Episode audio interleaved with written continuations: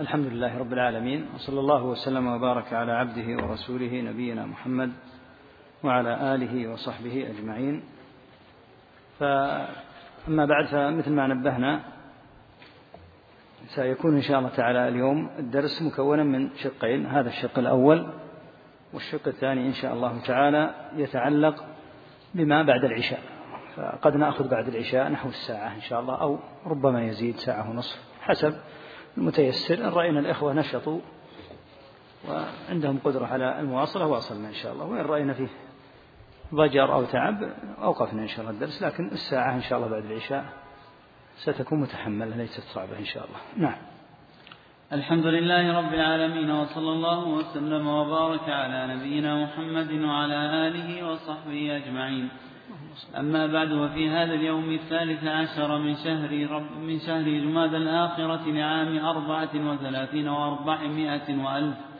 ينعقد هذا المجلس بشرح كتاب التوحيد للإمام محمد بن عبد الوهاب رحمه الله تعالى لشيخنا الشيخ الدكتور عبد الله العنقري حفظه الله تعالى في جامع عثمان بن عفان رضي الله عنه بحي الوادي بالرياض قال رحمه الله تعالى باب ما جاء في التطير وقول الله تعالى ألا إنما طائركم عند الله ولكن ألا إنما طائرهم عند الله ولكن أكثرهم لا يعلمون.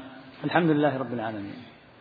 وصلى الله وسلم على عبده ورسوله نبينا محمد وعلى آله وصحبه أجمعين. ذكر هذا الباب المتعلق بالتطير ومعناه التشاؤم. وكانوا يتشاءمون في الجاهلية عربا وعجما من أمور معينة تارة من أيام كيوم الأربعاء وتارة من أشهر كشهر صفر وتارة من مخلوقات كألبومة أو الغراب أو نحو ذلك. وهذه لا علاقة لها بتاتا في جلب خير ولا دفع ضر ولكنها شيء توهمه هؤلاء وزعموه من تلقاء أنفسهم بلا دليل ولا برهان. ولا ريب أن هذا يؤثر على التوحيد. ولهذا كما سيأتينا إن شاء الله تعالى بيان أن التطير نوع من أنواع الشرك. ومن هنا أدخل في كتاب التوحيد لأنه يؤثر على التوحيد وتارة يكون تأثيره على أصل التوحيد وتارة يكون تأثيره على ما دون ذلك. فيقال في موضوع التطير أصله أن العرب كانوا إذا مرت بهم الظباء أو الطيور عن يمينهم تفاءلوا وفرحوا فإذا كان الواحد منهم يريد سفرا قال هذا سفر فيه نجح لأن الطير مر عن يمينه وإذا مر الظبي أو أو الطير عن شماله تشاءم وقال هذا سفر مشؤوم ورجع عن حاجته. وربما يأتون إلى الطير فيطيرونها يعني يأتي إليها في وكرها فيتعمد أن يطيرها ثم ينظر. ولهذا حمل الشافعي رحمه الله بعض أهل العلم حديث أقر الطير على مكناتها على هذا. لا تتعرضوا لها اتركوها ولا تربطوا أنفسكم بذهابها يمينا أو شمالا. فكان هذا مما تفعله الجاهلية. فإذا مر به الظبي عن يمينه وكذا الطير تيامن وإذا مر به عن شماله تشاءم. لا يخلو المتطير من أحد الأحوال الآتية. الحال الأول أن يعتقد أن لهذه الطيور أو لهذه الظباء أو لما تشاءم به عموما تأثيرا مستقلا في تصريف الأمر. فإذا اعتقد هذا فشركه أكبر بلا شك. الحال الثاني أن يعتقد وهو حال كثير من الناس أن يعتقد أن هذا ليس استقلالا ولكن يزعم أن هذه علامة من علامات كون هذا السفر أو كون هذا الأمر الذي عزم عليه مشؤوما ويعلم أن الأمر إلى الله تعالى. ومع هذا فإنه يعد قد وقع في الشرك. لكن الفرق بين الصورة الأولى والصورة الثانية أن الأول يقع في شرك أكبر مخرج من الملة لأنه جعل التصريف إلى هذه الأمور التي تطير بها. والنوع الثاني عقيدته في أن الأمور إلى الله هذه مستقرة. ولا يشك في أن التصريف إلى الله لكن يزعم أن هذه علامة على وجود شؤم في ذاك الأمر الذي عزم عليه فيكون شركا أصغر. الحال الثالث أن يقع في النفس شيء ولكن يقاوم هذا الواقع في نفسه ويعزم ويتوكل ويأبى أن يطاوع هذا الهاجس. كثير من الناس يسافر فيرى حادثا شنيعا جدا. ربما رأى جثثا متطايرة. ربما رأى سيارات محترقة. لما رأى هذا الحادث وقع في نفسه شيء من الضعف. فلا يخلو إما أن يرجع ويترك السفر ففي هذه الحالة يكون تطير بلا شك. ما علاقة كون هؤلاء يحترقون أو يصيبهم أو أن يصابوا بأي شيء وبين سفرك. أنت تذهب وترجع. كغيرك من الألوف الذين ذهبوا في نفس اليوم ورجعوا. فإذا رجع فهذا تطير لا شك فيه. وهذا مما قد لا يتفطن له كثيرون يظن المسألة مرتبطة بطير أو بظبي أو بصفر أو بربيع أو أو بصفر أو بأربعة أو غيره. لا.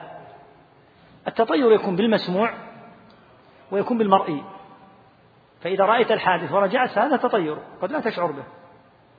ويكون بالوقت كشهر صفر ويوم الأربعاء ويكون أيضا ببعض المخلوقات كالغراب والبومة أو ببعض من فيهم شيء من الأدواء كالأعرج أو الأعمى.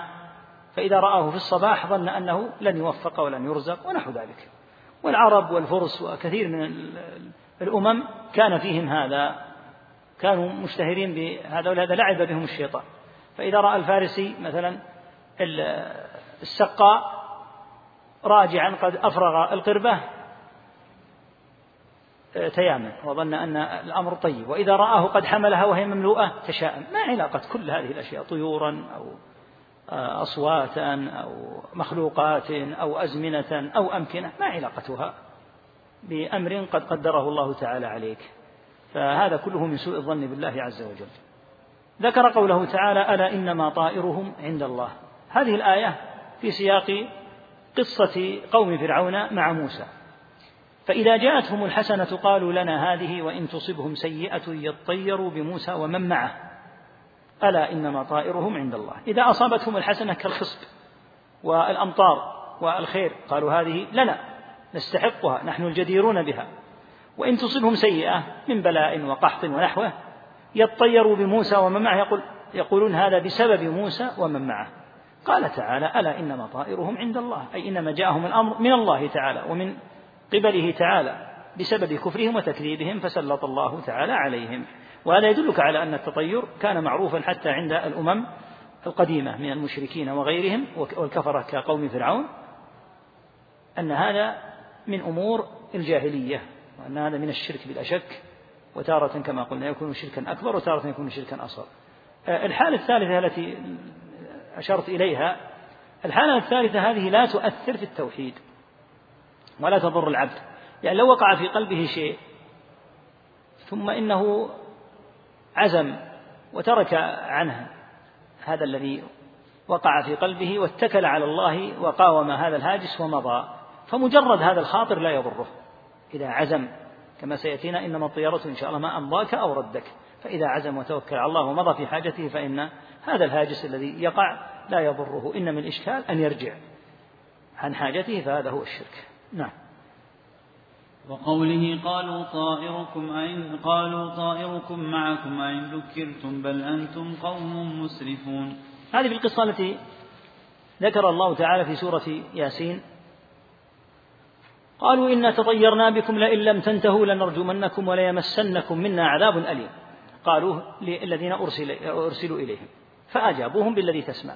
قالوا طائركم معكم. أئن ذكرتم؟ يعني بسبب أن ذكرناكم بالله عز وجل قلتم لنا هذه المقالة. قالوا طائركم معكم. قيل إن المراد بقوله تعالى طائركم معكم أي ما أصابكم وما وقع لكم والحظ الذي أصابكم هو بسبب أفعالكم أنتم لا بسبب لا بسبب يتعلق بنا نحن. ما علاقة هؤلاء الذين أرسلوا إليهم بالشيء الذي يصيب هؤلاء المشركين؟ الذي يصيب هؤلاء المشركين هو بسبب فعل المشركين لا بسبب الذين أرسلوا إليهم. وذكر أيضا الشاعر رحمه الله ما يحتمل معنى آخر. طائركم معكم أي راجع عليكم من باب المقابلة والجزاء على الكلمة بمثلها. فالحاصل أن هذه أن هذا التطير والتشاؤم هو من أفعال هؤلاء الذين سمعت من أعداء الرسل سواء من قوم فرعون أو من الكفرة الذين ذكر الله خبرهم وأنهم أنزل الله بهم عقوبته فأهلكهم في سورة ياسين. نعم. عن أبي هريرة رضي الله عنه أن رسول الله صلى الله عليه وسلم قال لا عدوى ولا طيرة ولا هامة ولا صفر. أخرجه زاد مسلم ولا نوء ولا غول. ولا نوء. ولا نوء ولا غول. نعم. هذا الحديث فيه أن النبي صلى الله عليه وسلم إما أنه نهى أو أنه نفى لكن الظاهر أن هذا نفي اللام هذه داخلة على الاسم. فالظاهر هي النافية للجنس. يقول صلى الله عليه وسلم لا عدوى ولا طيرة وهذا هو الشاهد من الحديث المرتبط بالباب نفي الطيرة ولا هامة ولا صفر وهذا رواه البخاري ومسلم وزاد مسلم في روايته ولا نوء ولا غول. قوله صلى الله عليه وسلم لا عدوى. العدوى ما هي؟ إذا أصاب الشخص مثل ما أصاب صاحب الداء. وأمر العدوى محل تفصيل. إن كان يعتقد أن العدوى كما يعتقد أهل الجاهلية تنتقل من تلقائها أو بنفسها وما وكما قد يعتقد ملاحدة آه، المشركين والكفرة من الغربيين وغيرهم أن العدوى تنتقل بنفسها من نفسها بنفسها بشكل, بشكل تلقائي. ليست راجعة إلى أمر الله عز وجل فلا يرتاب في أن هذا كفر مخرج من الملة. لأن الأمر جعل إلى هذا الداء دون الله. فإذا جعل التصريف إلى غير الله في مثل هذه الأمور فهذا كفر لا شك فيه. فلهذا نفى صلى الله عليه وسلم العدوى التي على مفهوم أهل الجاهلية أن تكون واقعة. فإن الأمر لا ينتقل إلا بإذن الله. والدليل على هذا لو كانوا يفقهون أنهم يرون الداء يصيب بلدا. يكون هذا البلد فيه أكثر من مليون إنسان. فيموت بعض ويبقى بعض. فلو كانت تنتقل من تلقاء نفسها لكانت أمرا مباشرا ينتقل الداء من هذا إلى هذا. فلماذا يموت في هذه الدار نصف أهل الدار ويبقى النصف الآخر. وهم ملابسون للمرضى وربما نقلوهم إلى المستشفى وربما نقلوهم أيضا إلى القبور إذا ماتوا. فدل على أن المرض لا يمكن أن ينتقل بنفسه أبدا. وقد ذكر السيوطي في التاريخ تاريخ الخلفاء أنه في بعض السنين أصاب أظن بغداد أو دولة أو بلدة أخرى أصابها داء مات فيه واحد وسبعون ألفا في اليوم الأول. في اليوم الثاني مات اثنان وسبعون ألفا. في اليوم الثالث مات ثلاثة وسبعون ألفا في اليوم الرابع لم يمت أحد. مع أن المتصور أن الأمور ستتفاقم كل يوم سيموت أناس بالأمس. هلك هؤلاء الألوف فاليوم سيكون أكثر لن يهلك أحد. وهذا كما قلنا أن العدوى لا يمكن أن تنتقل من نفسها. ولهذا حتى في المخيمات التي يكون فيها اللاجئون وغيرهم تلاحظ أنه ينتشر فيها بأمر الله عز وجل مرض عظام من سنة الله تعالى المعروفة في هذا المرض أنه قد ينتقل بإذن الله تعالى ويصيب أناسا كثيرين. فيموت في هذا المخيم أو في البلد أو في غيره أعداد كبيرة من الناس. ولكن يبقى أعداد آخرون. وهذا يدل على أن المرض لا يمكن أن ينتقل بنفسه وأن الآجال هذه كالأرزاق. مقسومة قسمة. لا يمكن أن يموت أحد قبل ساعته التي حدت له. إذا فالعدوى النفي لها هو على ما كانوا يعتقدون في الجاهلية. فإن قيل هل يمكن أن ينتقل المرض؟ يقال نعم يمكن أن ينتقل لكن لا بد أن يقال إنه ينتقل بإذن الله تعالى. ولهذا جاء في الحديث فر من المجذوم فرارك من الأسد لأن الجذام مرض قد أجرى الله تعالى العادة بأنه ينتقل بإذن الله عز وجل كأمراض أخرى موجودة قديما وحديثا كالجدري وغيره قد ينتقل. فإذا احتاط الإنسان أو احتاط الأطباء وجعلوا المريض في موضع يعزل فيه وصار لا يدخل عليه إلا بأنواع من الكمامات والاحتياطات كل هذا لا بأس به ولا إشكال فيه. لكن ينبغي أن يعتقد أنه لا يمكن أن ينتقل إلا بإذن الله عز وجل. إذا فأمر العدوى على هذا التفصيل. من اعتقد أنها تنتقل تلقائيا من نفسها فلا شك أنه قد وقع في الكفر الصريح لأنه نسب الأمر إلى المرض مباشرة. وإن اعتقد أن الله أجرى العادة أن تنتقل وقد تنتقل وقد لا تنتقل. وهو يحتاط كما يحتاط من البرد بالاستدفاء وكما يحتاط من الذئب والأسود بالاحتراز منها. هذا لا إشكال فيه. قال ولا طيرة وتقدم الكلام عليها. قال ولا هامة. الهامة هذه كانوا يعتقدون في الجاهلية أنها طائر من الطيور. إذا وقع على بيت الواحد منهم يقول نعيت إلي نفسي يعني كالبومة ونحوها. ولها يقول قائلهم يا عمرو إلا تدع شتمي ومنقصتي أضربك حتى تقول الهامة اسكوني. يعني يعتقدون أن القتيل إذا قتل تبقى الهامة تقول هذه العبارة حتى ينتقل ينتقم من القاتل. في زعمهم خرافات الجاهلية ما تنتهي. فالحاصل أن النبي صلى الله عليه وسلم نهى هذا الاعتقاد أن تكون هناك هامة إذا وقعت على بيت الإنسان يتشاءم منها. فلو وقع على بيتك غراب أو بومة أو غيره فلا يحل أن يقع في قلبك أن هذا فيه نعي لنفسك ولله العجب كم وقع من غراب على البيوت؟ وطار ولم يصب أهل البيت شيء مدة سنين. وكم وقع من بوم على بيوت الناس؟ وما حصل شيء. وكم من الناس هلكوا ولم يقع على بيوتهم. لا بوم ولا غراب ولا شيء. حاصل أن هذه الأمور إلى الله تعالى واعتقاد.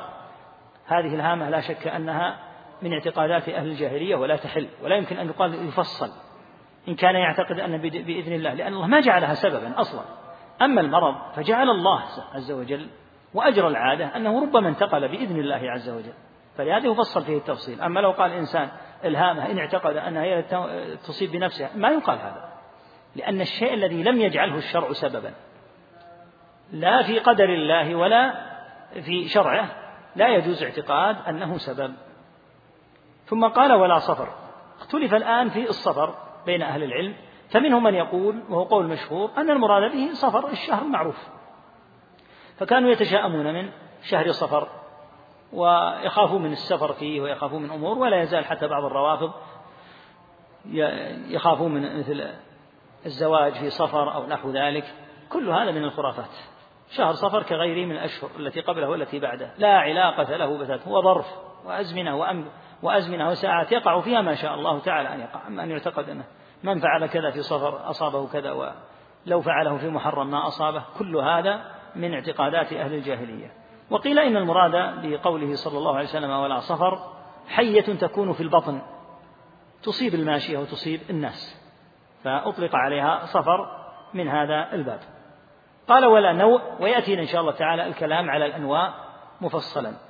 أما قوله ولا غول فقيل إن المراد بالغول جنس من الجن والشياطين.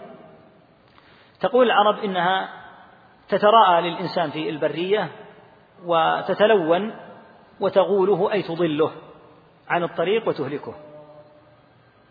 هل الغول منفية؟ من آه بالنظر إلى كلام مثل أبي أيوب رضي الله عنه في قوله كان لي تمر في سهوة فكانت الغول تجيء فتأخذ وهكذا إذا تغولت الغيلان فبادروا بالأذان. يدل على وجود هذه الغيلان وفي الحديث أيضا أنه قال لا غول ولكن السعالي. هذه من الجن قد تتسبب في نوع من التلبيس أو التخيل على الإنسان. فإذا أصابه مثل هذا فإنه يتكل على الله ولا يكترث. وإذا أصاب يعني وافته في البرية أو غيره يتكل على الله ولا يهتم بها وهكذا التعامل مع الجن. لو تراءوا للإنسان أو رآهم أو سمع أصواتهم يتوكل على ربه تعالى ولا يكترث بهم ما يهتم بهم. ف يمضي في حاجته لا يلتفت حتى لو سمع منهم صوتا أو غيره لأنهم إذا رأوا الإنسان مترددا متخوفا فإنهم في مثل هذه الحالة يتسلطون عليه. أما إذا رأوه لا يكترث بهم ولا يهتم بهم علموا أنه متكل على الله تعالى. جاء في الحديث إذا تغولت الغيلان فبادروا بالأذان. يعني أنه يؤذن لأن الأذان يطرد الشيطان بإذن الله عز وجل وفي الحديث أنه إذا سمع الأذان ولا وله ضراط حتى لا يسمع الأذان.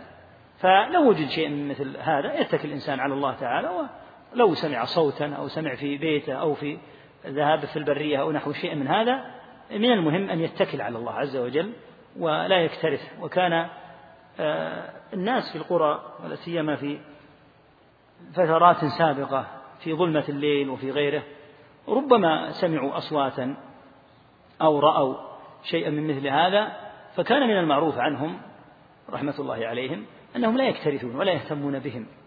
ويسمعون أصواتهم ويسمعون أو يحسون بشيء من مثل هذه الأمور لا يكترثون ولا يرفعون بهم رأسا كأنهم غير موجودين.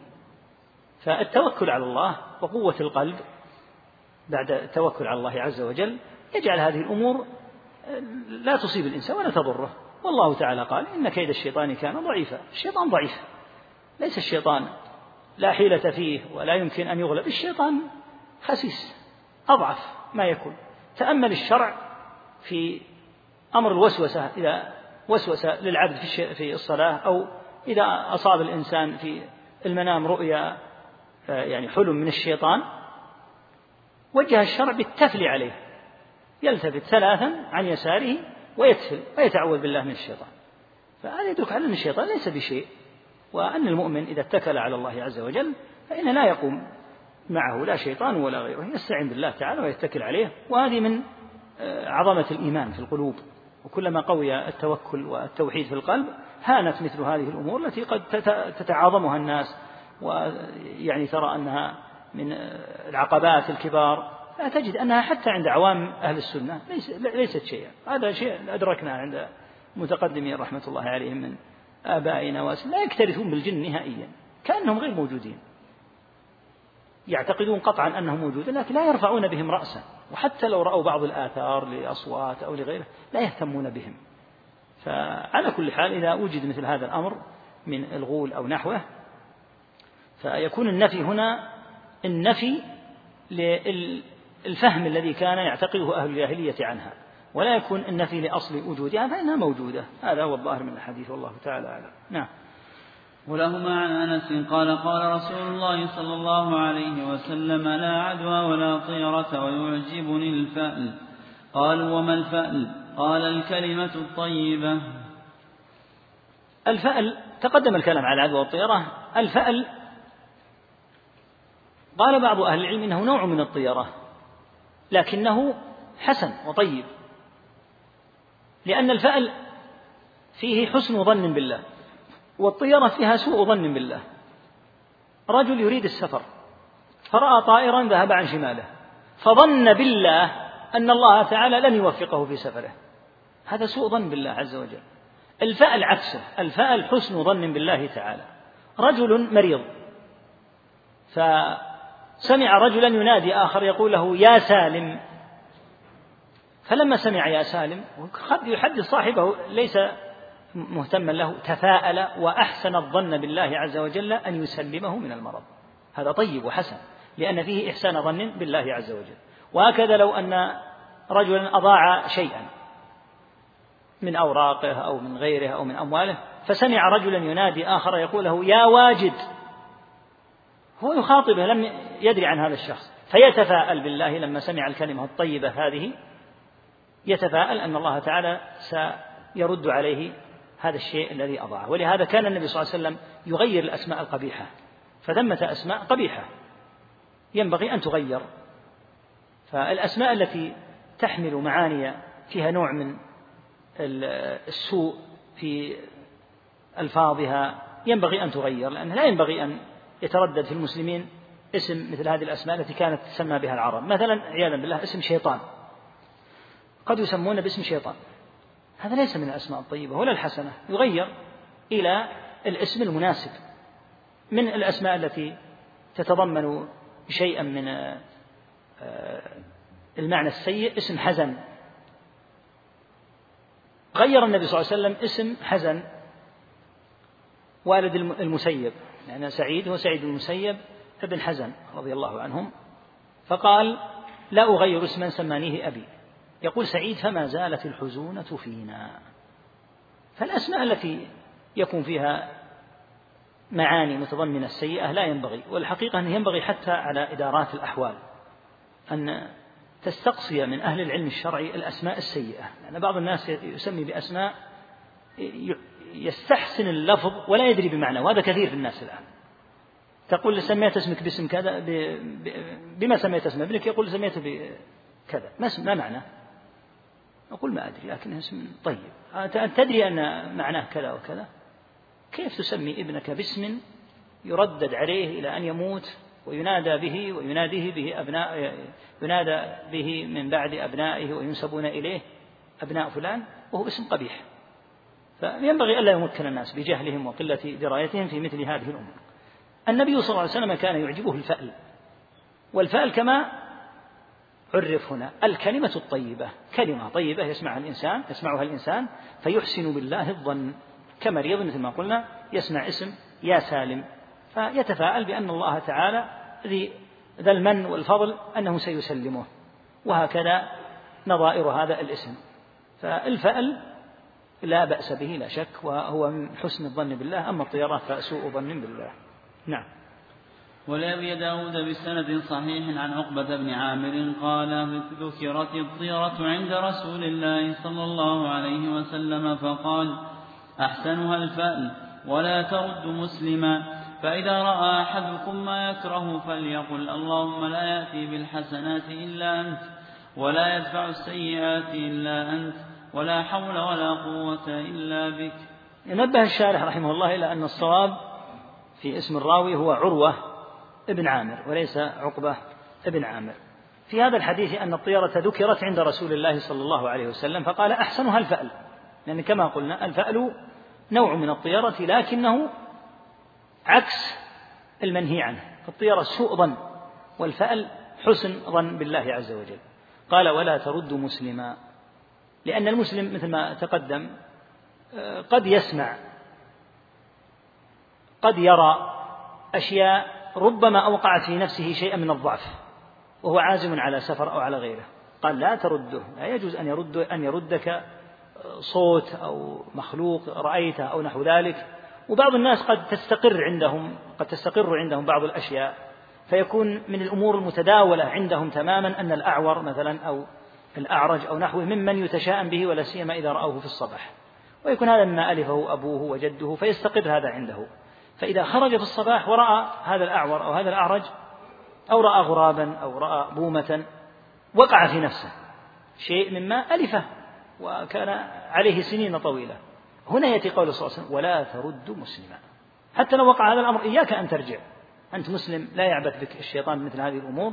فإذا وقع مثل هذا الأمر فاعزم واتكل على الله. قال فإذا رأى أحدكم ما يكره مما قد يوقع في نفسه شيئا من الضعف فليقل هذا الدعاء العظيم. اللهم لا يأتي بالحسنات إلا أنت ولا يدفع السيئات إلا أنت ولا حول ولا قوة إلا بك. فهذا ضد وعكس للطيرة.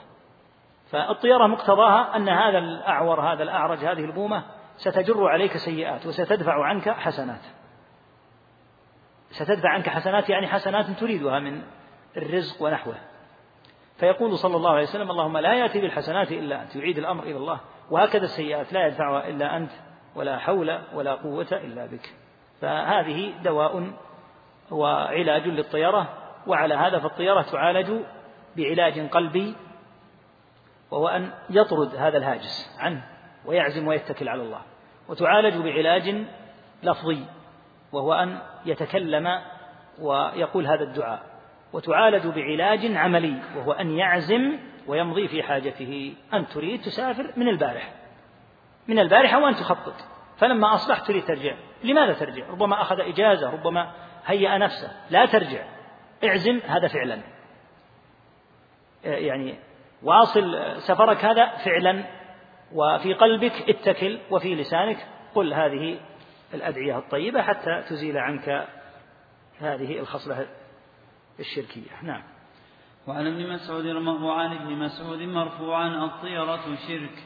الطيرة شرك وما منا إلا ولكن الله يذهبه بالتوكل. رواه أبو داود والترمذي وصححه وجعل آخره من قول ابن مسعود. هذا الحديث فيه الجزم بأن الطيرة شرك وهو على التفصيل الذي قلنا لك في أول الدرس. إما أن تكون شركا أكبر وإما أن تكون شركا أصغر. ولهذا كررها الطيرة شرك الطيرة شرك. قال وما منا إلا ولم يكمل. أين بقية الجملة؟ هذا من باب حذف الأمر المكروه. أي وما منا إلا ومن يقع في قلبه شيء منها. هذا المراد. وما منا إلا هذا الآن أداة استثناء. أين المستثنى؟ محذوف لقبحه. أي وما منا إلا من يقع في قلبه شيء من ذلك. هذا المعنى. قال ولكن الله يذهبه بالتوكل وهذا هو العلاج الذي قلنا لك في القلب. التوكل هو عمل القلب كما يأتي إن شاء الله.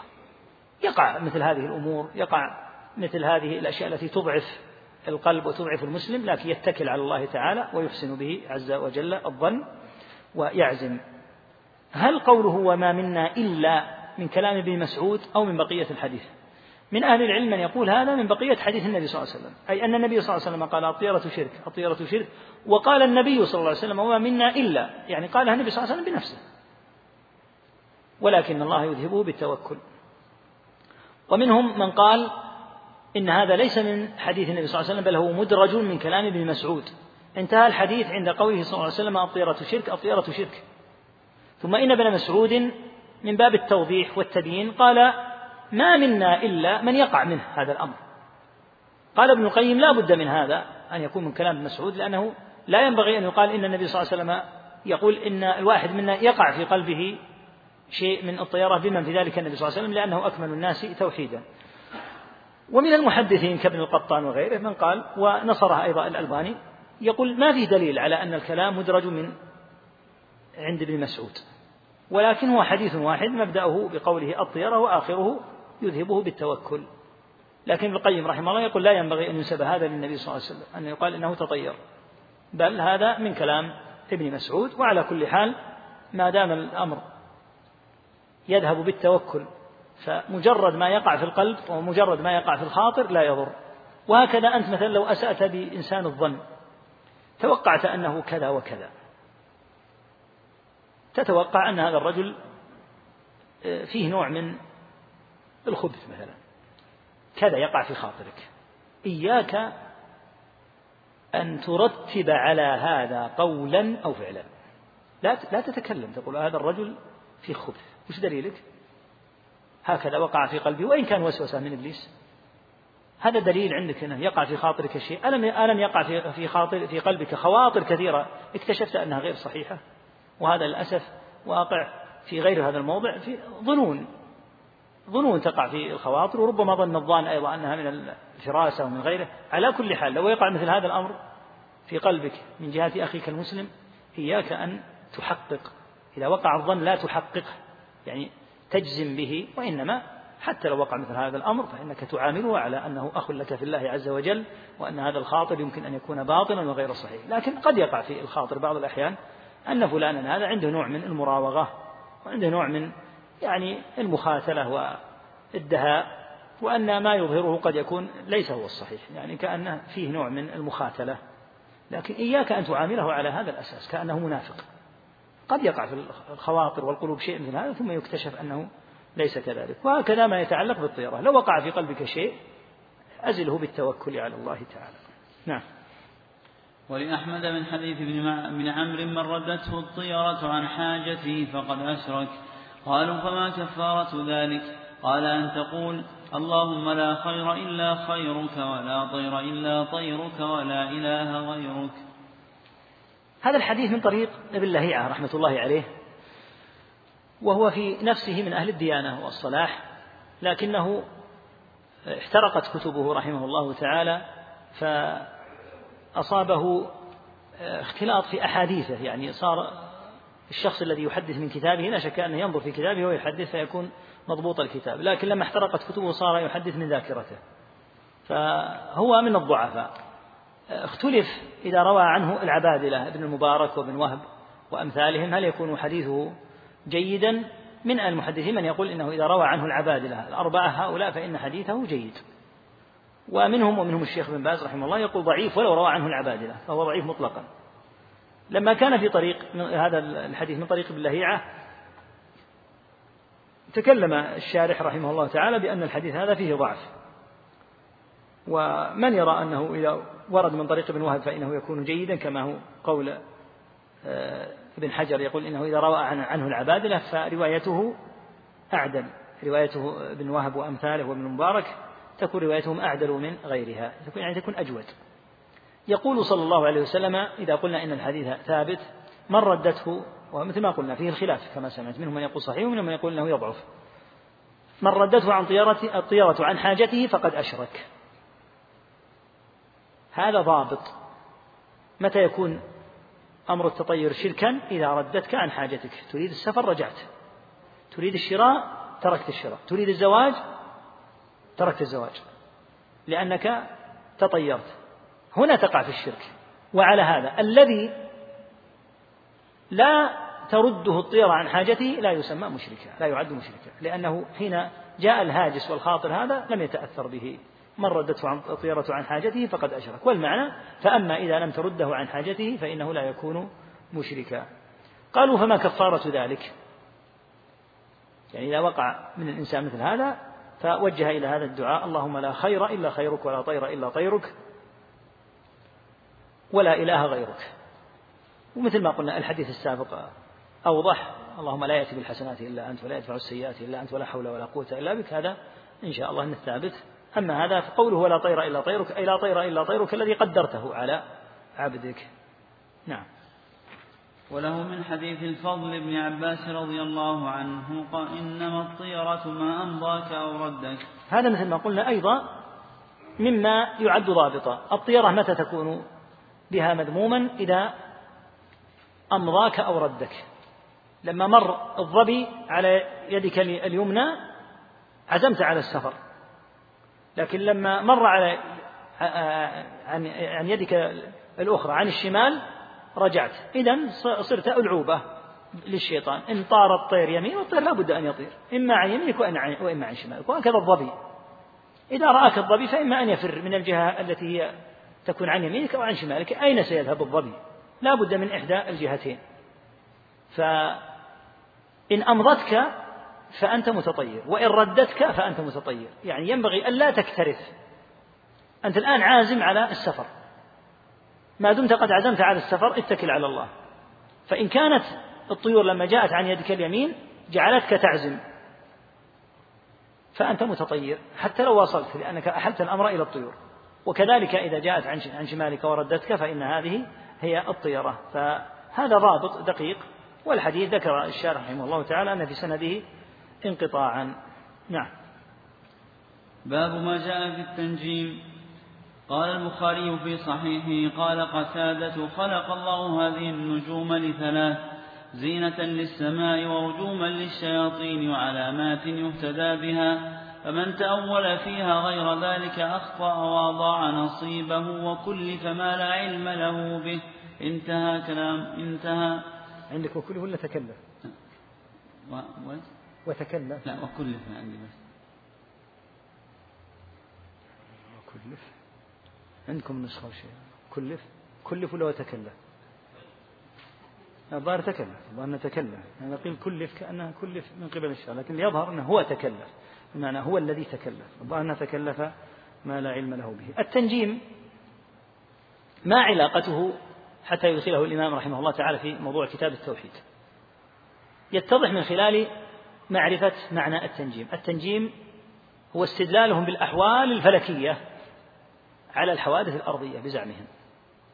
فيقول هذه الكواكب اجتماعها يدل على أنه سيقع كذا وافتراقها يدل على أنه سيقع كذا والنظر في مسيرها يقع يدل على أنه سيقع في الأرض كذا. هذا هو التنجيم وهو ضرب من ضروب السحر. لهذا تقدم الحديث من اقتبس شعبة من النجوم فقد اقتبس شعبة من السحر زاد ما زاد. فزعم أن النجوم والكواكب اجتماعها يعني أن يقع كذا وكذا من الخير والخصب أو افتراقها يعني أن يقع كذا وكذا من الجدب أو الحرب أو نحوه. هذا معناه أن تصريف الأحوال الأرضية الحوادث الأرضية يكون من طريق الكواكب العلوية. وأنت تعلم أن الكواكب قد عبدت من دون الله عز وجل وأن هناك من يعبدون الكواكب والهياكل هذه يجعلون لها هياكل معينة. وذكروا في تراجم هؤلاء المشركين أنهم يلبسون يوم السبت لباسا معينا ويجعلون بخورا محددا يتعبدون به للكوكب الفلاني. يوم الأحد يلبسون لباسا معينا ويمارسون أعمالا معينة للكوكب الفلاني. يقولون إذا تقربنا لهذه الكواكب فالكواكب تصرف الأحوال الأرضية. فإذا رأتنا نتعبد لها صرفت الأحوال لصالحنا فهذا شرك أكبر بلا أدنى إشكال. لأنه جعل إسناد الأمور إلى الكواكب. ولهذا قال إبراهيم عليه الصلاة والسلام وكان بعث في قوم يعبدون الأصنام ومرتبطون بهذه الكواكب. لما رأى الكوكب قال هذا ربي. قال بعض المفسرين إن إبراهيم قال هذا ربي على سبيل المناظرة. يقول لهم هذا ربي ولهذا كأن في الحذف في الكلام حذف تقريره أهذا ربي ها هو الآن يأفل. قال لا أحب الآفلين وهكذا. ومنهم من قال إنه قال هذا ربي ثم إنه لما أفل وغاب قال الرب كما قال عز وجل وما كنا عن الخلق غافلين قال تعالى وما كنا غائبين الرب لا يمكن أن يعزب عنه شيء. فاستدل بغيابه على أنه لا يمكن أن يصرف خلقه. هل مراده تنبيه عباد هذه الكواكب؟ أو أنه قال هذا ابتداء إلى أن هداه الله تعالى؟ الحاصل أن عبادة الكواكب موجودة. وأن اعتقاد أن النجوم العلوية ال ال ال الأحوال العلوية في هذه الكواكب والأفلاك تؤثر هذا موجود عند المشركين قديما وحديثا. فمن اعتقد هذا الاعتقاد فإنه يكون مشركا شركا أكبر. ثم ذكر قول قتادة رحمه الله كما في البخاري خلق الله هذه النجوم لثلاث منصوصة في القرآن زينة للسماء. هذه الفائدة الأولى منها. الثانية رجوما للشياطين. الثالثة علامات يهتدى بها. يهتدي بها المسافر في البر والبحر. فمن تأول فيها غير ذلك؟ يعني صار يربط الكواكب بالأحوال الأرضية. فقد أخطأ وأضاع نصيبه وتكلف ما لا علم له به. ولهذا قال في بقية الخبر وإن ناسا جهلة بأمر الله قد أحدثوا في هذه النجوم كهانة. من أعرس بنجم كذا وكذا كان كذا وكذا.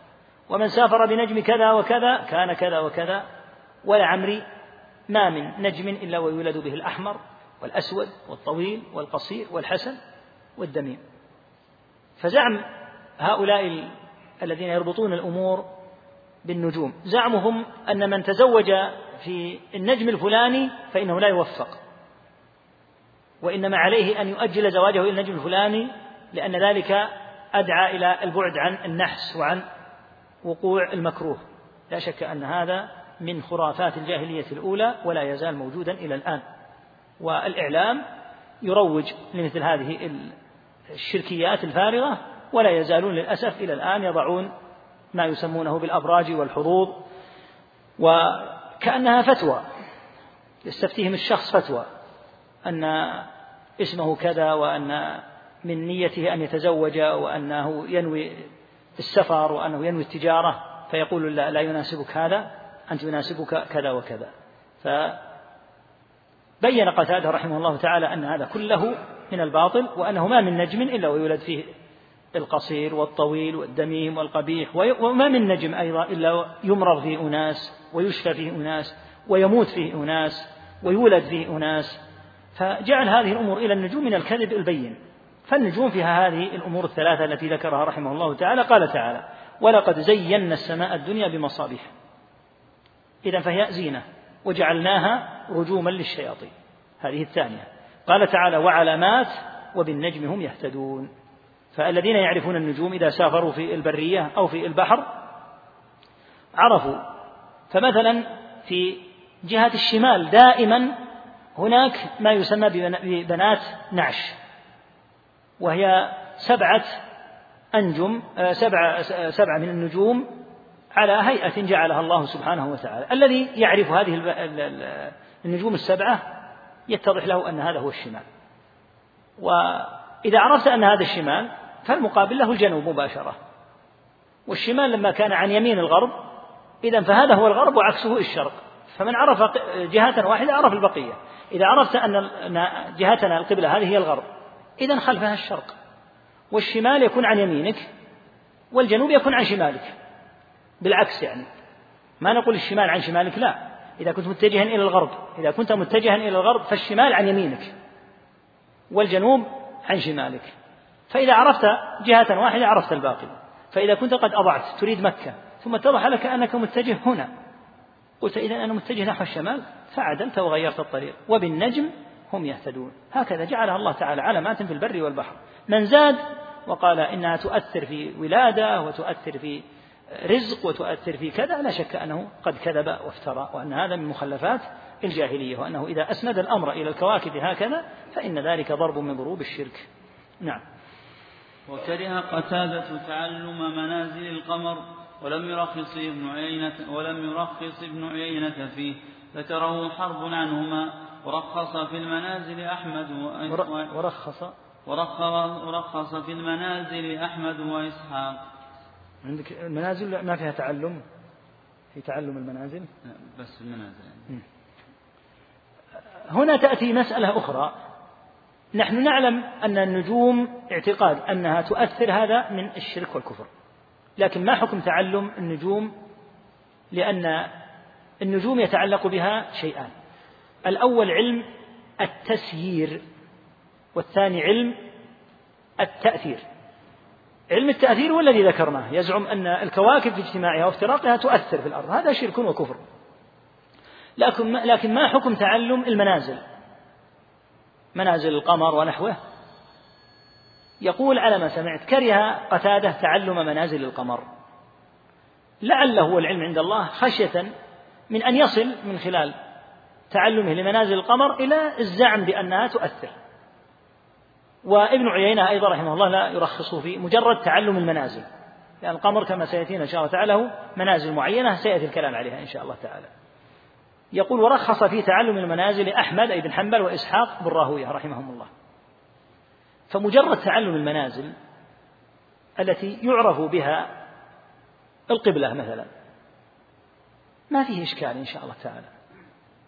تعلم المنازل بحيث تعرف من خلال علم الفلك ما يرتبط بالزوال. وأنت تعرف أن الزوال يرتبط به أمر صلاة الظهر ويرتبط به أيضا إذا صار الظل مثلي الشيء يرتبط به أيضا وقت صلاة العصر. فمثل هذا إن شاء الله لا إشكال في تعلمه. وعلم الفلك من حيث هو لو تعلم وعرف ما جعل الله عز وجل في هذه النجوم وغيرها من الأفلاك مما هو مقطوع به لأن علم الفلك فيه أشياء كثيرة جدا متوهمة. إلى يومك إلى يومك هذا. فالقول مثلا بأن بيننا وبين الشمس كذا وكذا مليون سنة ضوئية شك هذا خرص. لا يرتاب أن هذا خرص. ومن الذي قاس هذه؟ الملايين من السنين الضوئية. لكن كون الشمس بأمر الله عز وجل تخرج كل يوم من مشرق كما قال تعالى رب فلا أقسم برب المشارق والمغارب. كل يوم لها مخرج وكل يوم تغرب مع مقابل لهذا المشرق وتعلم مثل هذه الأمور وتعلم بعض الأمور المرتبطة أيضا بالزراعة لأن البذر ينفع في وقت بإذن الله عز وجل. إذا تجاوز المدة لو تبذر تعرف هناك نبت ينبت في الصيف وآخر ينبت في الشتاء. فلو بذرت في غير وقته أجر الله العادة أنه ما ينبت. فتعلم مثل هذه الأمور لا إشكال فيه إن شاء الله تعالى مع اعتقاد أن التصريف بيد الله سبحانه. ففرق بين علم التسيير وعلم التأثير. علم التسيير بأن تعرف ما يتعلق بمنازل القمر وما يتعلق بالشمس وقد ذكر الله تعالى أنها جعلت لتعرف لتعلموا عدد السنين والحساب ففيها لا شك فيها عبر. لكن اعتقاد أنها تؤثر هذا هو الإشكال الذي يفسد على الإنسان دينه. نعم. وعن أبي موسى قال قال رسول الله صلى الله عليه وسلم ثلاثة لا يدخلون الجنة مدمن الخمر ومصدق بالسحر وقاطع الرحم. رواه أحمد بن حبان في صحيحه. هؤلاء الثلاثة الذين يدخلون الجنة قد فعلوا هذه الأفاعيل القبيحة جدا. مدمن الخمر مستمر عياذا بالله على شربها فهو يشربها دائما. وقاطع الرحم والرحم تأتيك من قبل أبيك أو أمك. الرحم كما في الحديث وصلة الرحم التي لا توصل إلا بهما. رحمك إما من جهة والدك وإما من جهة والدتك. من جهة العمومة أو جهة الخؤولة. ثم هذا ابن هذا خالك. وهذه خالتك. وهذا ابن خالك. وهذا ابن خالتك. هذا عمك. وهذه عمتك. هذا ابن عمك. وهذا ابن عمتك. وهكذا. فتتسلسل. قطع الرحم عياذا بالله من موجبات دخول النار كما في الحديث أو آه، الحجب عن الجنة. لا يدخل الجنة قاطع أي قاطع رحم. فقطيعة الرحم أمر عظيم وهو من أسباب دخول النار. قال ومصدق بالسحر. ما علاقة التصديق بالسحر بموضوع التنجيم؟ لأن التنجيم يدخل في السحر. قوله مصدق بالسحر مطلقا. السحر جنس يدخل فيه التنجيم وتقدم الحديث من اقتبس شعبة من النجوم فقد اقتبس شعبة من السحر. نعم. باب ما جاء في الاستسقاء بالأنواع وقول الله تعالى وتجعلون رزقكم أنكم تكذبون الاستسقاء أصل الاستسقاء هو طلب السقيا كما تعلم في صلاة الاستسقاء المعروفة. ولكن الاستسقاء تارة يراد به كما ذكر الشيخ ابن عثيمين طلب السقيا من النجوم نفسها بأن يوجه الطلب إلى النجوم بأن تسقي. فهذا شرك أكبر بالإجماع لأنه دعا غير الله. النوع الثاني أن يعتقد أن أمر المطر وإن لم يدعو هذه النجوم فإنه عند النجوم هي التي تأتي بالأمطار ويكون تصريف المطر إليها فهذا شرك أكبر أيضا. النوع الثاني وهو الكثير. والشائع في المنتسبين إلى من يقع في هذا من أهل الملة هذه أن ينسب السقيا ومجيء المطر إلى الله إلى هذه الأنواع مع اعتقاده الجازم بأن الأمر لله. فلو قيل له المطر من يأتي به؟ يقول المطر لا يأتي به إلا الله كما أنه لا يحيي ولا يميت إلا الله. إذا ما معنى كونك تنسب هذا إلى النجوم؟ ينسبها إلى النجوم مع اعتقاده أن التصريف عند الله تعالى. فمن نسب السقيا ومجيء المطر إلى الأنواء والأنواء جمع نوء وهي منازل القمر. القمر له ثمان وعشرون منزلة. كل منزلة ثلاث عشرة ليلة. إذا ضربت ثمانيا وعشرين في ثلاث عشرة تمت أيام السنة. فينزل القمر منزلة بإذن الله تعالى الذي يصرف القمر ويصرف الكون كله. كل منزلة من ثلاث عشرة ليلة. تنتهي هذه المنزلة فتبدأ منزلة أخرى. من شأن العرب إذا جاء مطر نسبوه إلى هذه الأنواع. سمي نوءا لأنه كأنه ينهض ويطلع. ناء أي طلع لأنه إذا انتهى النوع هذا نهض نوء آخر. فينسبون الأمطار هذه النسبة إليها. فإذا نسب إلى هذه الأنواع فكما قلنا إما أن ينسبها إليها استقلالا على أنها إليها الأمر والتصريف فيكون كفرا لا شك فيه. وإما أن يعتقد أن الأمر إلى الله تعالى ولكن ينسب هذه الأمور إلى هذه الأنواع بلسانه مع اعتقاده الجازم أن التصريف إلى الله فيكون واقعا في هذا الشرك الذي لا يخرجه من الملة. في هذه الحالة لا يخرج, لا يخرج من الملة ويكون كفرا دون كفر. قال تعالى وتجعلون رزقكم أنكم تكذبون. جاء تفسير الرزق هنا جاء بأن الرزق تجعلون رزقكم أي شكركم. أنكم تكذبون يقولون مطرنا بنوء كذا وكذا. هذا جاء عن النبي عليه الصلاة والسلام. بدل من أن يشكروا الله تعالى يحيلون الأمور إلى الأمطار بعد إلى هذه آه، الأنجم وإلى هذه الأنواع. وجاء أيضا تفسير الرزق هنا وتجعلون رزقكم أنكم تكذبون. جاء تفسيره بالحظ أي وتجعلون حظكم من هذا الرزق وهو المطر التكذيب به أي بالقرآن. فعلى كل حال لا يحل أن ينسب الأمر إلى الأمطار ولا يقال مطرنا بنوء كذا كما سيأتي إن شاء الله تعالى في آه، شرح الحديث المتعلق به. نعم. وعن ابي مالك الأشعري رضي الله عنه أن رسول الله صلى الله عليه وسلم قال أربع في امتي من أمر الجاهلية لا يتركونهن الفخر بالأحساب والطعن في الأنساب والاستسقاء بالنجوم والنياحة. وقال النائحة إذا لم تتب قبل موتها تقال قام تقام يوم القيامة عليها سربال من قطران ودرع من جرب. رواه مسلم. في هذا الحديث إخباره عليه الصلاة والسلام أن الأمة ستبقى فيها خصال من خصال أهل الجاهلية. والجاهلية هي حالة الجهل التي كانت عمت قبل مبعث النبي صلى الله عليه وسلم وقد أزالها الله بحمده ومنته ببعثة هذا النبي الكريم. إنا أرسلناك شاهدا ومبشرا ونذيرا وداعيا إلى الله بإذنه وسراجا منيرا صلوات الله وسلامه عليه. فهذا الإسلام العظيم بهذا السراج وبهذا النور قد أزال الله تعالى به الجاهلية. ولكن تبقى بعض المواضع يكون فيها جاهلية وهي المواضع التي يكون فيها أهل الكفر غالبين كحال الدول الأوروبية. فلا يرتاب شرعا أنها في جاهلية مسمى الشرع جاهلية. وإن بلغوا في التقنية وفي الوسائل الحديثة ما بلغوا. فهم قد يكونون على أعرف ما يكونون بأمور دنياهم لكنهم في أمر ربهم سبحانه وتعالى وفي أمور الأخلاق وفي أمور كثيرة جدا هم على أردأ ما يكون فهم معدودون في الجاهلية. فليس معنى الجاهلية هو الجهل بالتقنية وبأمور الدنيا لأن الله تعالى يقول يعلمون ظاهرا من الحياة الدنيا وهم عن الآخرة هم غافلون. هذه هي الجاهلية أن يحسن أمر دنياه ويكون جاهلا بأمر دينه وبما يجب لربه سبحانه وتعالى عليه. ولا يجوز أن يقال إن المسلمين في جاهلية. بشكل عام. لأن معنى ذلك أن الحالة التي كانت قبل الإسلام رجعت وهذه لا تكون بحمد الله لأن النبي صلى الله عليه وسلم أخبر أنه لا تزال طائفة من هذه الأمة على الحق ظاهرين لا يضرهم من خذلهم فلا بد أن يبقى ولله الحمد طائفة.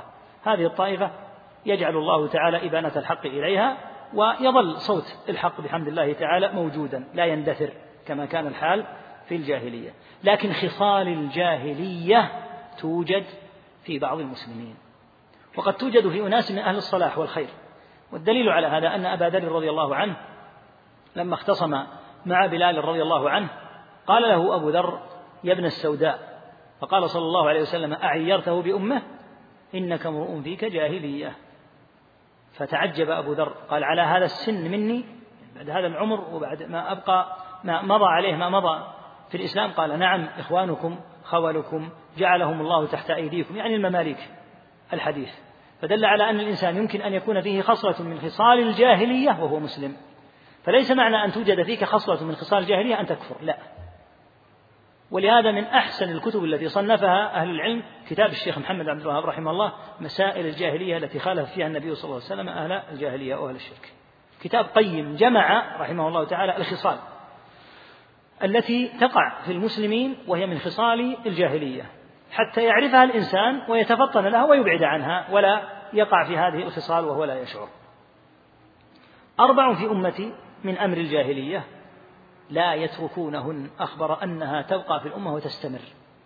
وهذا الحديث من علامات النبوة لأن فيه الإخبار بواقع ملازم مستديم في الأمة وهو إلى يومك هذا إذا تأملت وجدته على أوضح ما يكون.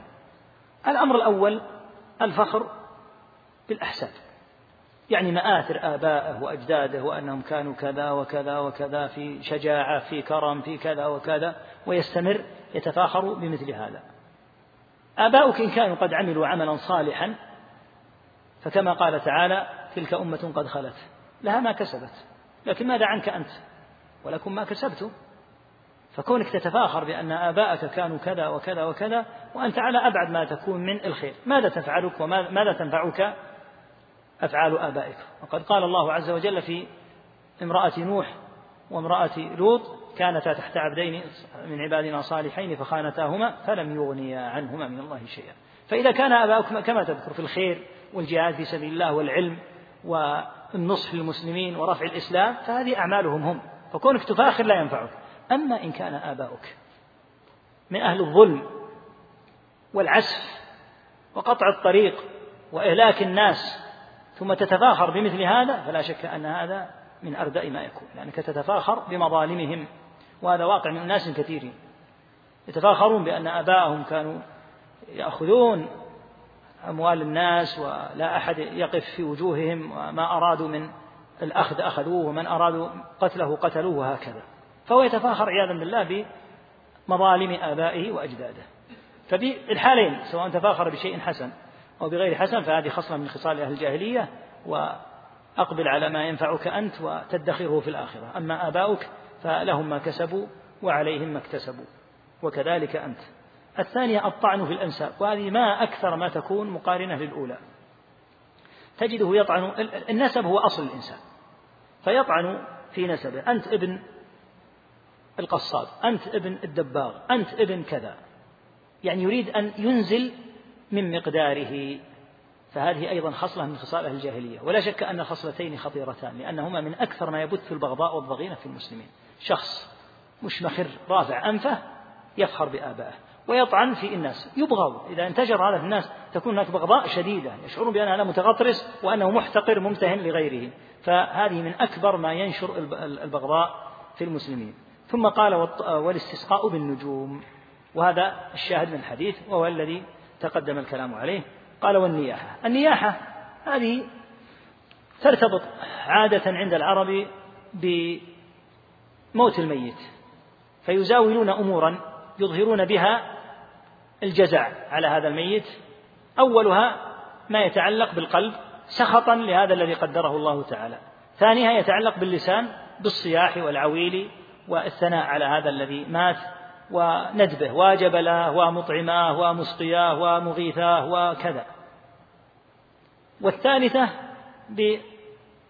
بالأيدي بأن تضرب الوجوه أو تخمش أو تشق الجيوب. وهذا تلاحظه كما تفعله الروافض وأمثالهم فكل هذا من الخصال الجاهلية. قال والنياحة. ثم أخبر أن النائحة إذا لم تتب يعني لقيت الله تعالى وهي على هذا الحال فإنها تعاقب بهذه العقوبة وهي أنها والعياذ بالله تجعل على هذا الحال. تقام يعني من قبرها يوم القيامة وعليها سربال أي ثوب. مما هذا الثوب؟ الناس يقومون عراه. هذا الثوب والعياذ بالله من قطران كأنه الزفت أو نحوه. ودرع من جرب. الجرب من أشد ما يكون إذا اقترب منه الشيء الحار كالنار. فيجعل سربالها وقميصها هذا على من القطران وتجعل ويكون جسمها ملابسا للجرب فيشتد الحر عليها وهذا يدل على أن ذلك من كبائر الذنوب ومن خصال الجاهلية.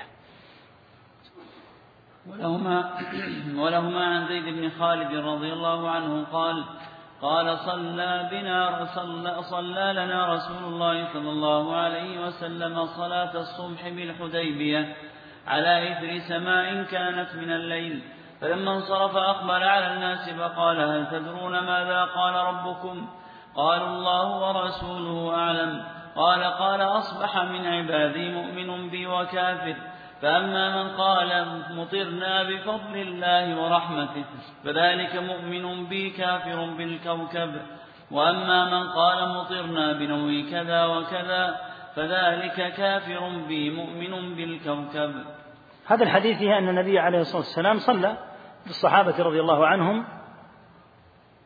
صلاة الصبح الفجر بالحديبية الموضع المعروف في مكة.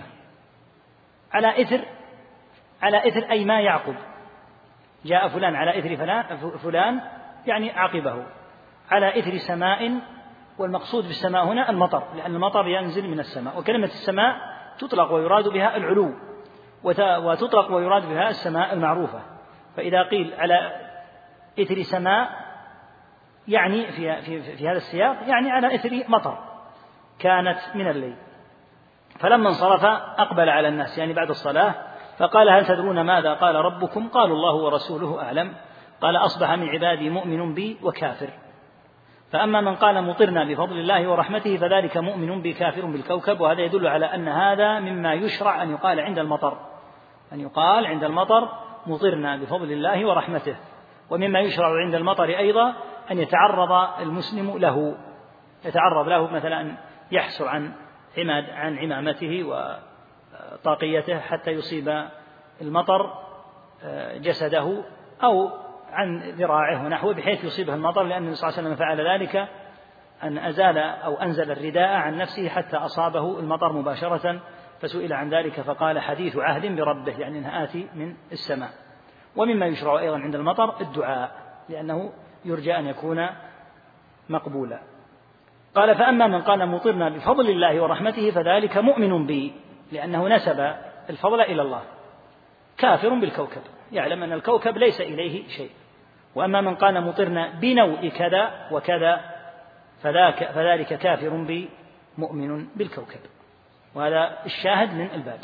هذا الدليل على الباب. أنه لا يجوز أن ينسب الأمر إلى غير الله تبارك وتعالى كما قال تعالى وتجعلون رزقكم أنكم تكذبون فالمطر إذا نزل ينبغي أن يحال الشكر فيه إلى الله واعتقاد أنه من لدنه سبحانه وبحمده فضلا منه ومنه. ومن أعجب ما عند الناس من التخليط أنهم يقولون مطرنا بنوء كذا. ثم في العام القادم يأتي هذا النوء ولا يأتي فيه مطر. فلو كان الأمر عند النوء لكان أمرا مستديما. لكن معلوم أنه يتخلف الأمر فتارة ينزل المطر وتارة لا ينزل. وأما من قال مطرنا بنوء كذا وكذا فذلك كافر بي مؤمن بالكوكب. فهذا يدل على التغليظ في هذه اللفظة وأن لا ينسب أمر المطر إلا إلى الله تعالى. ثم على التفصيل السابق. إن قال مطرنا بنوء كذا على أساس أن النوء هو المؤثر في إنزال المطر فهذا كفر أكبر لأنه يرتبط بجعل أمر الربوبية إلى هذا الكوكب وهو التدبير جعل تدبير أمر المطر إلى الكوكب. وإن لم يعتقد ذلك وإنما يعتقد أن المطر أمره إلى الله وأنه لا يمكن أن تنزل قطرة إلا بمشيئة الله لكن قال هذه اللفظة فلا شك أنه يكون داخلا في الكفر لأن النبي صلى الله عليه وسلم أطلق عليه الكفر يكون داخلا في الكفر الأصغر. فلا يكون كفرا أكبر كقوله صلى الله عليه وسلم سباب المسلم فسوق وقتاله كفر. وهذا يدل يا إخوة على خطورة الألفاظ وعلى أهمية تعلم التوحيد. وأن الإنسان قد يقع في نوع من الكفر الأصغر أو الشرك الأصغر وهو لا يدري. هذا يفشو ويكثر في الناس وينتشر. وهكذا خصال الجاهلية التي في الحديث السابق من فضائل تعلم علم التوحيد أنك تعرف أن هذه خصلة جاهلية تتنكبها. فتترك عنك الاغترار بآبائك وأجدادك وتترك عنك الطعن في الأنساب. لماذا؟ لأن هذا يؤثر في توحيدك. كيف يؤثر؟ لأنه جعل خصلة جاهلية. والخصلة الجاهلية لا شك أنها تؤثر في التوحيد.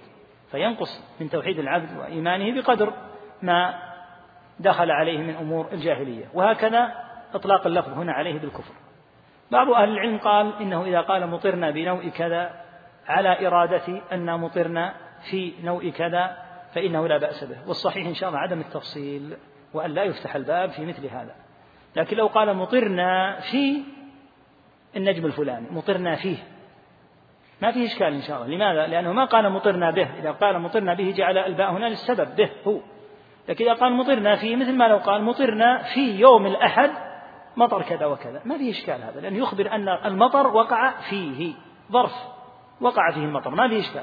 لكن إذا قال مطرنا بنوع كذا فلا شك أنه جعل الأمر إلى النوم. والقول بأن إذا كانت الباء بمعنى في لا حاجة له وليس بسليم لأن لا يفتح الباب ثم من يعرف الناس هل الباء بمعنى في أو الباء هي السببية فالأصل سد هذا الباب الذي قال الله فيه فذلك كافر بي مؤمن بالكوكب. فيسد هذا الباب وإذا أراد أن يتحدث يتحدث بكلام واضح. يقول مطرنا في يوم كذا وكذا مطرنا في النجم الفلاني مطرا غزيرا سالت الأودية. ممكن هذا أن يخبر بالتاريخ. لكن لا يقول مطرنا بنوء كذا للإشكال الذي ذكرنا. نعم. ولهما من حديث ابن عباس بمعناه وفيه قال بعضهم لقد صدق نوء كذا وكذا فأنزل الله هذه الآيات فلا أقسم بمواقع النجوم وإنه لقسم لو تعلمون عظيم إنه لقرآن كريم في كتاب مكنون لا يمسه إلا المطهرون تنزيل من رب العالمين أفبهذا الحديث أنتم مدهنون وتجعلون رزقكم أنكم تكذبون؟ نعم. في هذا أيضا تبيان للآية. يقول ابن عباس رضي الله عنهما لقد إن بعضهم قال لقد صدق نوء كذا. يعني أنهم يقولون إن نوء كذا يقع فيه المطر. يقول لقد صدق وتحقق أن صار فيه المطر. فأنزل الله هذه الآيات فلا أقسم بمواقع النجوم. ما المراد بمواقع النجوم؟ قيل إن المراد به النجوم المعروفة هذه مطالعها ومساقطها أن الله أقسم بها والله يقسم بما شاء من خلقه. وقيل إن المراد بمواقع النجوم أي نجوم القرآن فإن القرآن نزل منجما أي مفرقا. لم ينزل مباشرة وإنما نزل على مدار سنين طويلة منذ بعثته عليه الصلاة والسلام إلى أن توفي عليه الصلاة والسلام. يقول تعالى فلا أقسم بمواقع النجوم وإنه لقسم لو تعلمون عظيم إنه لقرآن كريم. في كتاب مكنون لا يمسه إلا المطهرون. ومنه من هذه الآية أخذ كثير من أهل العلم أن القرآن لا يجوز أن يمسه الإنسان إلا هو على وضوء. قال لا يمس المصحف إلا هو على وضوء. ومس المصحف شيء والقراءة شيء آخر. القراءة لك أن تقرأ عن ظهر قلب إذا لم تكن لم يكن عليك حدث أكبر. وهو الجنابة. أما مسه أما أما مجرد المس فلا يصلح أن تمس المصحف إلا إذا كنت على وضوء. أما القراءة عن ظهر قلب فلا بأس لو لم تكن على لو لم تكن متوضئا. نعم. باب قول الله تعالى ومن الناس من يتخذ من دون الله أندادا يحبونهم كحب الله. هذا الباب فيما يتعلق بالمحبة. والمحبة نوعان. النوع الأول المحبة العادية وهي الموجودة عند كل شخص سوي. كمحبته لأولاده ومحبته لبعض المآكل وبعض المشارب. فهذه إذا قيل يجب أن يفرد الله بالمحبة لا تدخل ولا يقال إن المقصود أنه لا يجوز أن تحب إلا الله بمعنى أنه لا يجوز أن تحب أبناءك أو تحب المطاعم الطيبة أو المشارب الطيبة. فهذه محبة عادية لا تدخل. ولهذا كان النبي صلى الله عليه وسلم يحب الحلواء والعسل وقال حبب إلي من دنياكم الطيب والنساء. وجعلت قرة عيني في الصلاة. فالمحبة العادية هذه لا تدخل. يبقى النوع الثاني وهو المحبة العبادية. هذه المحبة التي لله عز وجل لها ضابط دقيق جدا ينبغي أن يضبطه طالب العلم. وهي أن تكون بكمال الخضوع ونهاية الذل. المحبة العبادية التي إذا صرفت لغير الله وقع صاحبها في الشرك الأكبر هي التي تكون بكمال الخضوع ونهاية الذل. فهذه هي المحبة التي تكون من أهل الإيمان. إذا صرف أحد هذه المحبة ولهذا يقول يعبر عنها بعض أهل العلم يقول المحبة الخاصة بالله. لا يجوز أن تحب أحدا من المخلوقين بتاتا هذه المحبة التي تكون بكمال الخضوع ونهاية الذل. وبه تعرف أن المحبة نوعان وإذا سمعت في كلام أهل العلم أن العبادة يجب إفراد الله تعالى بها ولا يجوز أن تصرف لغير الله ثم قالوا ومنها المحبة فلا يعنون المحبة الأولى وهي المحبة العادية. وهكذا الخوف الخوف كما سيأتي أنواع منه خوف عادي كالخوف من السباع أو الخوف من الملأ الظالمين كما قال تعالى في الرجل الذي آتى من أقصى المدينة محذرا موسى إن الملأ يأتمرون بك ليقتلوك فاخرج إني لك من الناصحين فخرج منها خائفا. هذا خوف عادي. إذا فالمحبة والخوف. يمكن أن يقال إن منهما نوعين لا يدخلان في كلام أهل العلم المتعلق بالتوحيد وهو المحبة العادية والخوف العادي.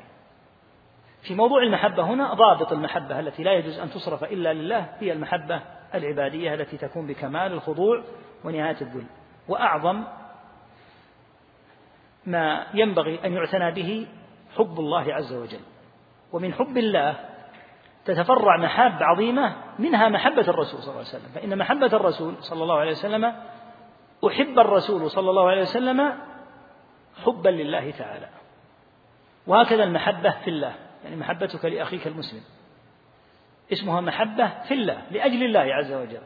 كما في الحديث وأن يحب الرجل لا يحبه إلا لله. ما أحببته إلا لله. فكلها ترجع إلى المحبة العظيمة.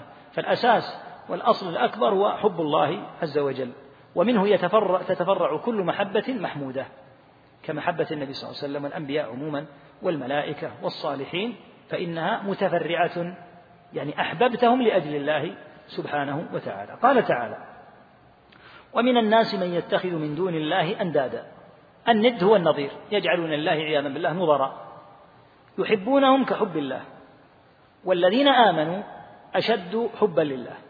هل المراد والذين آمنوا أشد حبا لله من أصحاب الأنداد لأندادهم؟ هذا قول. في قوله والذين آمنوا أشد حبا لله. القول الثاني أن المراد بقوله والذين آمنوا أشد حبا لله أشد حبا لله من المشركين الذين يحبون الله لأن المشركين يحبون الله لكن محبتهم ليست خالصة وإن وإنما هي محبة مخلوطة وهكذا عباداتهم. وجعلوا لله مما ذرأ من الحرث والأنعام نصيبا فقالوا هذا لله بزعمهم وهذا لشركائنا. فعباداتهم ومحابهم هذه لا تكون خالصة وإنما يجعلون شيئا منها لله وشيئا لغير الله. أهل الإيمان لا يحبون إلا الله وحده لا شريك له. هذه المحبة فلهذا محبتهم لله عز وجل أعظم المحبة. ولهذا قال والذين آمنوا أشد حبا لله. فالمحبة لله عز وجل لها شأن عظيم. وقد بين الله تعالى أن هذه المحبة يدعيها كل أحد. ولكن الشأن في دليل المحبة. قال تعالى قل إن كنتم تحبون الله فاتبعوني يحببكم الله ويغفر لكم ذنوبكم. ولهذا سمى بعض أهل العلم هذه الآية آية المحنة لأن فيها امتحان. فكل أحد حتى من اليهود والنصارى بل حتى من كفار قريش كلهم يقول نحن نحب الله. فجاء الدليل والبرهان باتباع النبي صلى الله عليه وسلم الذي بعثه الله. قل إن كنتم تحبون الله فاتبعوني فمن اتبع النبي صلى الله عليه وسلم فقد برهن على أنه محب لله لأن محبة اتباع النبي صلى الله عليه وسلم هو العلامة والعلم الصادق على محبة الله. وأما إذا قال إني أحب الله ولكنه لا يتبع رسول الله صلى الله عليه وسلم فهذه دعوة مجردة يمكن أن يدعيها أي أحد. وإنما تثبت المحبة الحقيقية بأن تقدم ما يحبه الله عز وجل بأن تحب الله تعالى محبة تظهر في أفعالك. خذ نموذجا على هذا صلاة الفجر الآن. بها يتضح للإنسان هل هو فعلا محب لله المحبة التي تنبغي أو هو غير أو هو مؤثر لمحبته على محبة الله تعالى. فإن كان يقوم من نومه في برده وفي حره وفي سهره وفي طول ليله وقصره يقوم لله عز وجل ليصلي هذه الصلاة حتى وإن كان مجهدا وإن كان متعبا يعني تعب النوم فهذا محب لله لأن الإنسان لا يمكن أن يترك لذيذ النوم. النوم من اللذائذ في الدنيا الدنيا فيها لذائذ كالأكل والشرب الطيب ومنها النوم. والنوم لذة عظيمة جدا للإنسان بحيث لو فقده لتضرر ضررا بالغا. فالمؤمن الذي يقطع هذه المحبة العظيمة التي تحبها نفسه بأن يستيقظ من نومه ويذهب إلى الوضوء ويتوضأ ويتجه إلى المسجد قد برهن. برهن على أنه محب لله عز وجل إذ ترك لذيذ النوم لأجل الله تعالى. وهكذا مثل الزكاة. الزكاة برهان عظيم جدا على أن الإنسان محب لله عز وجل إذ المال ليس بالهين على النفوس ولهذا قال صلى الله عليه وسلم والصدقة برهان. برهان عظيم على أن الإنسان محب لله عز وجل. فيخرج هذا المال لأجل الله عز وجل مع محبة نفسه له. فكلما عودت نفسك البراهين التي تؤكد محبة الله تعالى ويحبها الله عز وجل عظم إيمانك عظمة شديدة وكنت إلى الله تعالى أقرب وإلى كل خير أنت أقرب. فبرهن برهن على المحبة. فإذا جاء لذيذ النوم فاترك لذيذ النوم. عندك الأسماع والأبصار. من طبع الإنسان أنه يحب أن يرسل بصره. والنفوس مغرمة. بجملة من الصور وعلى رأسها صور النساء فإن الرجال يهوون أن ينظروا إلى النساء وهو أمر للأسف الشديد الآن عام في كثير من الناس يرسل بصره بلا حساب وبلا فرقان يتكئ هكذا الساعات يتفرج. ما حكم نظرك لهذه المرأة في جمالها وحسنها؟ وأنت مسلم يقول ما يجوز. لماذا تنظر إليها؟ هنا يأتي برهان من براهين المحبة الحقيقية. أن تترك هذا الذي تهوى نفسك وتميل عينك إلى النظر إليه. النفوس كلها تحب تميل إلى هذا. لا يتصور الإنسان أن هذا منظر قذر قبيح ما ينظر عند أهل الإيمان والعلم والدين بل هو منظر من حيث جميل بلا شك من حيث أصله جميل. ولهذا قال تعالى زين للناس حب الشهوات من النساء فبدأ بها. هنا يأتي برهان المحبة. تتفرج على هذه المرأة من حسناوات الشرق والغرب وأنت تعلم أن هذا لا يجوز. لماذا؟ لضعف محبة الله في قلبك. ولو آثرت محبة الله لعلمت أن هذه المرأة لا يجوز أن تنظر إليها. في كامل زينتها تتفرج عليها. وهكذا الأغاني. الأغاني مطربة. حتى ربما سمعها الصغير فصار يترنح ويتحرك وهو صغير طفل. تهواها النفوس. هذا أمر موجود. تستلذها النفوس. لكن تتركها حفظا لسمعك. إن السمع والبصر والفؤاد كل أولئك كان عنه مسؤولا. فتبرهن. هذه براهين على المحبة. قل إن كنتم تحبون الله فاتبعوني يحببكم الله. ولهذا إذا ترك الإنسان هذه الملاذ والمشتهيات التي تشتهيها نفسه لأجل الله عز وجل وجد حلاوة الإيمان كما سيأتي إن شاء الله تعالى. تظهر حلاوة الإيمان في قلبه ويعود نفسه ترك الشيء لله سبحانه وتعالى في ماله في سمعه في بصره في لذيذ نومه في آه، المطاعم في المشارب.